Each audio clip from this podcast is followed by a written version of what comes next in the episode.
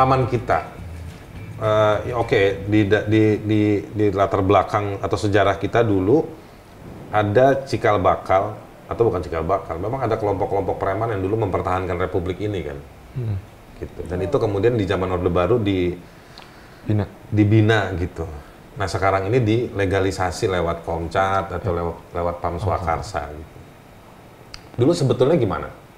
Eh, kita punya konflik Aceh, Timor Leste, eh, Poso, Ambon, itu ada mobilisasi kan dulu kan begitu kan?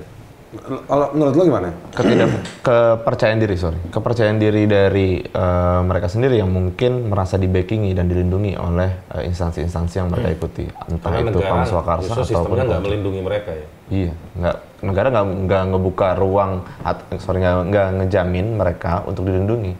Akhirnya dia ngebuka ruang bagaimana ketika mereka seolah dilindungi tapi dimanfaatkan juga, dibina dan diawasi. Nah yang menjadi bahaya mereka nggak akan punya kontrol atas itu ketika mereka sudah bergabung. Karena pertama begini, eh, pengawasan eh, Polri ataupun TNI itu bebannya sudah tinggi banget dan belum terjawab sampai sekarang untuk urusan internal mereka sendiri ketika mereka akan eh, merangkul ormas-ormas ataupun komcat nantinya bebannya akan semakin bertambah.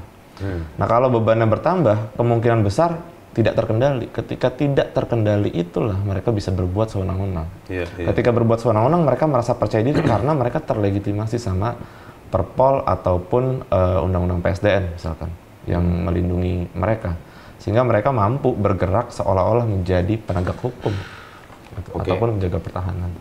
Nah, sekarang begini, gue mau balik sedikit. Eh, sebetulnya dari masyarakat yang cinta negara, yang mau, mem- mau membantu keamanan itu juga ada kan. Misalnya contoh pecalang. Menurut gue pecalang ini eh, disebutin kan di Perpol Iya. disebutin. Karena menurut gue itu contoh yang paling terorganisir, yang paling baik misalnya. Ada kan sebetulnya peran masyarakat menjaga keamanan, bentuk ekspresi mencintai gitu. Bisa kasih contoh nggak yang lu pada tahu gitu. Tapi itu kita bisa bilang ya lu nggak usah bikin-bikin peraturan Ya. itu alamiah Secara aja, natural. genuine aja apa di natural. di daerah-daerah terutama daerah timur kan kita kenal sasi bang untuk Oh, membatasi daerah iya, atau iya. wilayah tertentu agar pohonnya mereka. iya agar tidak eh, dieksploitasi dan lain sebagainya sistem itu kan berjalan tanpa adanya perpol Ya. ataupun undang-undang PSDN dia secara natural dan tradisi memang udah berjalan gitu Ya. Tapi ketika itu dimanfaatkan apalagi kan di perpol itu nggak cuma bicara pecalang tapi yang poin B-nya adalah kelompok sadar keamanan dan ketertiban Iya. yang mana itu Justru yang mereka hadapi adalah perusahaan-perusahaan yang dibackingin sama sejumlah aparat negara. ya. Betul, betul. Apalagi ya itu pertama ketiadaan eh, jaminan profesionalisme dari si Pam Swakarsa yang kemudian akan terbentuk nantinya, mau itu dari kelompok sadar keamanan dan ketertiban ataupun perantau sosial lainnya. Terus akuntabilitas seperti apa? Terus penggunaan Itu mereka konsep adat tuh ya, Iya. nilainya tuh ya. penggunaannya mereka sebetulnya untuk apa kebutuhannya? Di Perpol kan cuma bicara misalkan soal eh, yang jelas ya Satpam dan Satkamling. Tapi untuk sisanya itu untuk apa nanti ke depannya? Secara Iya. konkret ya poin. Eh, teman-teman mungkin belum pernah dengar namanya konsep sasi ya. Sasi itu di Maluku, di NTT, sebagian tuh mengenal konsep sasi. Konsep sasi itu kayak semacam dikasih tanda misalnya ke pohon atau satu wilayah bahwa objek-objek tersebut itu jangan diganggu gugat Ya. atau kalaupun nanti dia mau dilakukan sesuatu ada kayak semacam orang tuanya atau orang ahlinya untuk cabut sasi dan mengambil eh, secara bijak eh, keuntungan atau kegunaan dari objek yang kena sasi Dan biasanya untuk bersama. dan untuk untuk konsep eh, guyup ya, Ya, atau guyup. melayat bersama-sama. Oke, eh, sekarang jadi sebetulnya partisipasi masyarakat buat keamanan itu sudah ada. Partisipasi masyarakat untuk mencintai negara bentuknya ekspresinya juga udah ada Vin ya, banyak ya. Kalau di urban, tukang ojek adalah yang terbaik. Menurut lo orang kayak Rifanli ini mencintai negara nggak? Oh, dia sangat mencintai demi coba coba lu bacain dulu, coba lu bacain dulu. Nih ya. Seberapa pun lo kenal dia, coba lo bacain itu. Jadi, gue pengen menikmati Iya. lo. Iya bahkan dia kan jadi roasting sih. misalnya ya, dia bahkan mungkin nggak sempat mengurus dirinya gitu Iya, iya, ya tuh. Lo karena, karena begitu banyak uh, hal yang harus dia kerjakan demi keadilan ya gitu Lo kan ada potensi akan kelihatan lebih baik sebetulnya. Asal ngomong. nah itu karena lo terlalu mencintai negara ini. Hmm, hmm, bisa jadi. Gue apa terlalu menginternalisasi nilai-nilai yang ada kali ya. Padahal pusing sendiri. Kan, bener kan? Kadang-kadang kerumitan itu jadi punya daya eh, eksotis. Kayak kain-kain ini kan nih sebetulnya punya, Oh, punya kerumitan, masuk. punya punya kerumitan, ya kan. Tapi dia menjadi punya nilai eksotis, ya kan gitu. Maksud Oke lo, sekarang maksud lo dia harus pakai ganti pakai ba- baju ini kan eh, maksud gua eh, coba lu bayangin Prabowo waktu ngelatih komcat pakai kain begini. Oke sekarang begini, apa yang bisa jadi buruk dengan pemberdayaan dengan me- Oke tadi kita udah lihat ya tanah dikeruk oleh perusahaan, pajaknya nggak jelas, uang kompensasi perbaikan alamnya nggak jelas, ada duit korupsi yang mengalir di sana. Itu contoh aja. Sementara kita disibukkan, disuruh eh, baris berbaris dan dididik untuk mencintai negara versinya si negara. Atau misalnya tadi Asvin bilang polisi-polisi itu malah masuk ke perusahaan-perusahaan jadi komisaris di BUMN, kok malah masyarakat yang disuruh ngurusin tugasnya eh, polisi. Nah, itu gambarannya. Tapi gue mau lihat lebih jauh, apa yang bisa jauh lebih buruk. Ini omnibus bakal, undang-undang omnibus cipta kerja bakal berlaku. Apa yang bakal simulasinya kayak gimana? Dugaan-dugaan menurut kalian? Potensi paling besar adalah konflik horizontal, di mana eh, mungkin ke depan orang tidak saling mempercayai temannya. Itu karena nggak ada yang tahu apakah dia akan gabung Komcat ataupun Pam Swakarsa. Itu mungkin di dalam kelas mereka berbaur, tapi di luar kelas Mereka ditugasin jadi intel. jadi intel cepuin satu sama lain Oke. gitu untuk agenda-agenda tertentu dan sayangnya Cepu itu apa? Kota. Oh, bukan, itu namanya apa ya? Pengintai lah. Pengintai, iya kan. pengintai. Nah, sayangnya semuanya itu ditujukan kepada kelompok-kelompok yang kritis. Hmm. Kita nggak mungkin dicepuin karena eh, kita mendukung Jokowi tiga periode. Itu kemungkinannya kecil gitu. Atau Ma'ruf Amin dua periode. Gitu tuh kecil kemungkinannya kalau Maruf Amin dua periode sebagai wakil apa sebagai ketua MUI? sebagai ketua MUI. Merebut kembali posisi ketua umum MUI. Oke, oke. Iya, jadi eh, serangannya akan ke sana. Jadi kelompok masyarakat sipilnya atau kelompok kritisnya itu akan semakin terbungkam lah untuk eh, eh, mengekspresikan sesuatu. Atau bahkan jangan-jangan ke depan kita udah sulit berpikir, bang. Karena kita sudah memikirkan. Kita, lu doang apa? Gua juga. Lu kok masuk masuk kita Oke, oke, oke. gue dan teman-teman gue Oke. eh, akan sulit eh, berpikir ke depannya karena pertimbangan itu akan semakin bertambah. Pertama mungkin pertimbangannya ada undang-undang ITE layar pertama layar pertama ya misalkan gitu. Ter- ditambah dengan Komcat dengan eh, Pam Swakarsa layarnya akan bertambah juga, bertambah lagi dan mungkin ayo udahlah eh, terima aja narasi tunggal negara dan kita tinggal tunduk dan ikut berba- baris berbaris juga. Jadi mungkin melalui Pam Swakarsa ataupun Komcat baris berbaris itu diprakondisikan untuk ke masyarakat yang lebih luas tapi dalam sistem berpikir ke depan. Oke, oke. Kalau menurut lu, Vin? Ya itu eh, mirip ya. Jadi ini alat eh, pengendali masyarakat ya. Eh, ini sebenarnya alat untuk eh, mem- mempersiapkan neg- negara atau pemerintah mempersiapkan diri menghadapi masyarakat yang kritis. Makanya kan kalau kita lihat eh, Perpres PP 2021 ini eh, dan sebetulnya ada satu yang kita eh, perlu masukin ke sini. Eh, apa namanya eh, makalahnya Pak Kapolri yang baru itu yang itu kan sebetulnya se- se- senada ya. Beliau mau me- mengamankan proyek. Beliau ya, lu cukup sopan ya. Iya dong. Kan, Baru dipilih soalnya. bukan, karena mau dikritik. Dipuji Iya kan? dulu baru dibanting Ah, ya kan. benar. Kan proyek mereka eh, dia bikin proyek strategis nasional. Terus kemudian em, mau mengubah fungsi polsek menjadi keamanan dan ketertiban Iya. dari penegakan hukum. Mhm. Ini kan untuk mengakselerasi si eh, satling-satling tadi itu kan di Oke, polsek. Jadi ini oke. semua nyatu sebetulnya dengan omnibus law, cipta kerja dan karena itu sebetulnya kita udah mas, eh, kita udah makin jelas ini orde baru. Orde baru bukan sebagai pemerintahan dipimpin Or- eh, Soeharto tapi model otoritarian yang pernah ada di Indonesia. Iya. Seper- sepertiganya kan ini, sepertiganya adalah stabilitas. Iya. Sepertiga yang lain pembangunan berskala besar mega proyek dan sepertiganya yang lain adalah itu memuluskan eh, eh, korupsi. Makanya 2009 jejaringnya Betul, karena itulah 2019 yang pertama dilumpuhkan KPK supaya proyek-proyek Iya, ini jadi kita Hmm, udah aman, aman. Eh, eh, jadi KPK dilemahkan supaya eh, eh, korupsi mudah. Kemudian eh, pembangunan skala besarnya udah omnibus law cipta kerja, mengakselerasi perpresnya proyek strategis nasional, terakhir stabilitas nasional. Oke. Makanya awal tahun ini semua langsung keamanan dan pertahanan Hmm. langsung masuk. Oke. Gitu. ngeri juga ya. Sangat. Terus Makanya- gua main skateboard di mana dong? Asik. Oke, nah sekarang kira-kira apa yang mesti kita kerjakan dengan situasi begini? Layer-layer keberhati-hatian kita makin banyak, ya kan?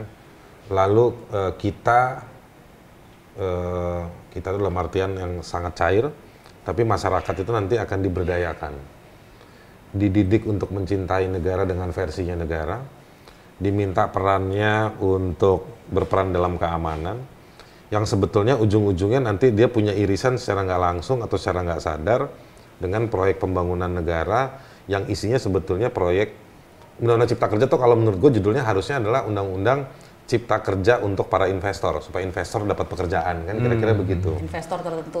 investor tertentu. Nah nanti ini semua mobilisasi-mobilisasi ini untuk memperkuat sektor pengamanan tadi itu ya dan ketertiban bagi jalannya pembangunan-pembangunan yang versinya ditentukan oleh istana lah kira-kira kayak begitu. Betul.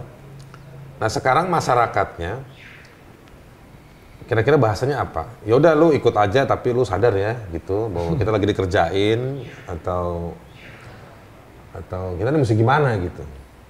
Atau lu jangan lupa eh, pokoknya ya udah lu ikut aja tapi lu follow eh, Instagram Kontras misalnya. Nah, biar tetap sadar.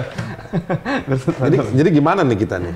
Tapi itu jangan terlalu jujur karena nanti kalau terlalu jujur dibaca sama intel-intel negara. ya kan? gitu. Iya.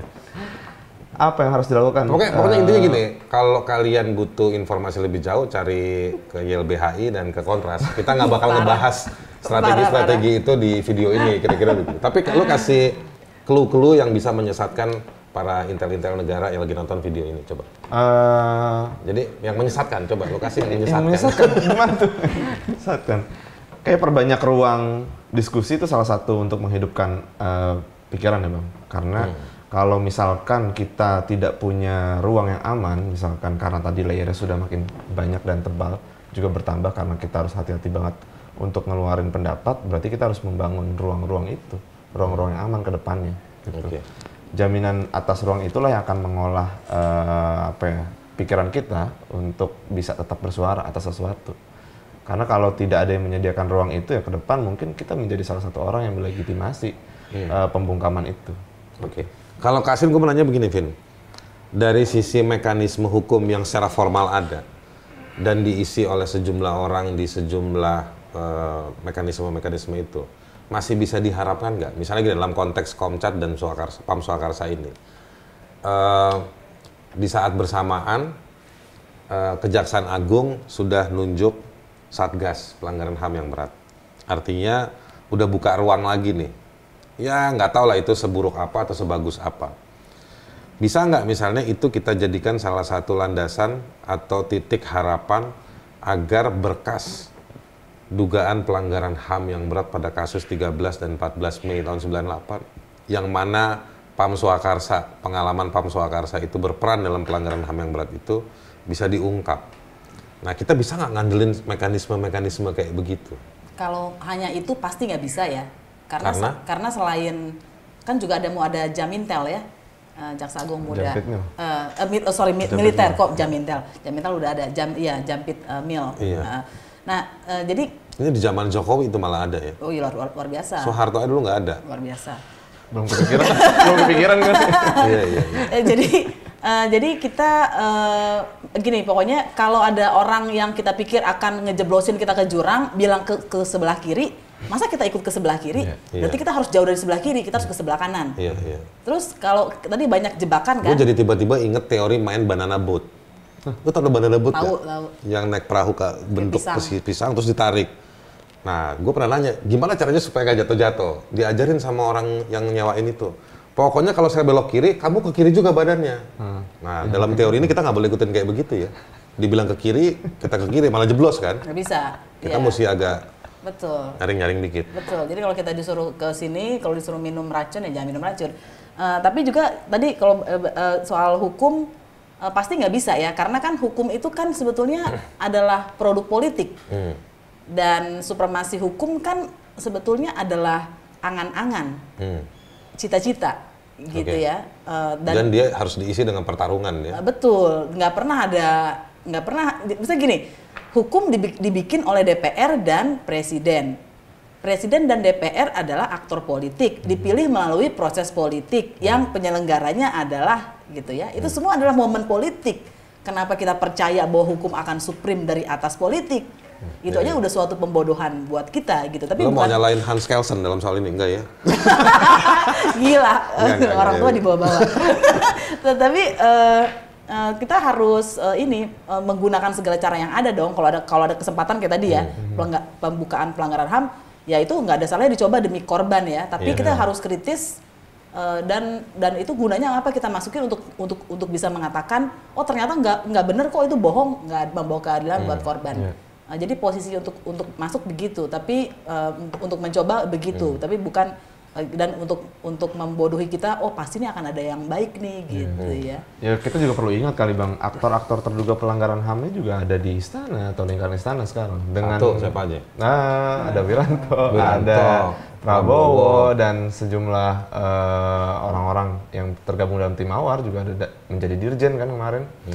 Nah, ketika serangkaian kebijakan yang keluar untuk eh, menyelesaikan ada problem juga di atasnya. Gitu. Apakah mungkin ketika mereka yang terlibat, terus di satu sisi eh, ter- terlibat dan tetap ada dalam istana, tapi di satu sisi ingin menyelesaikan, ada problem juga di situ yang mem- mempersulit lah eh, situasi ini. Gitu. Oke.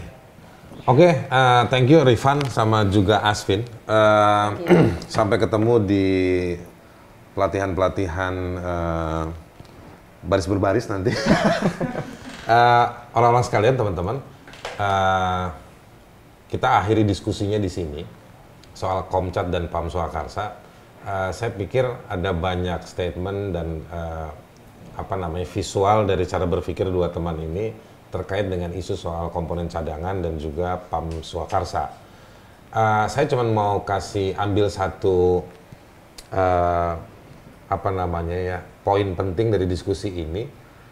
Kayaknya barang ini kebijakan mengkomcatkan kalian eh, atau mempamswakarsakan kita kita ini ruangnya makin dekat ya kan seperti kehidupan kita makin mendekati ajal ya kan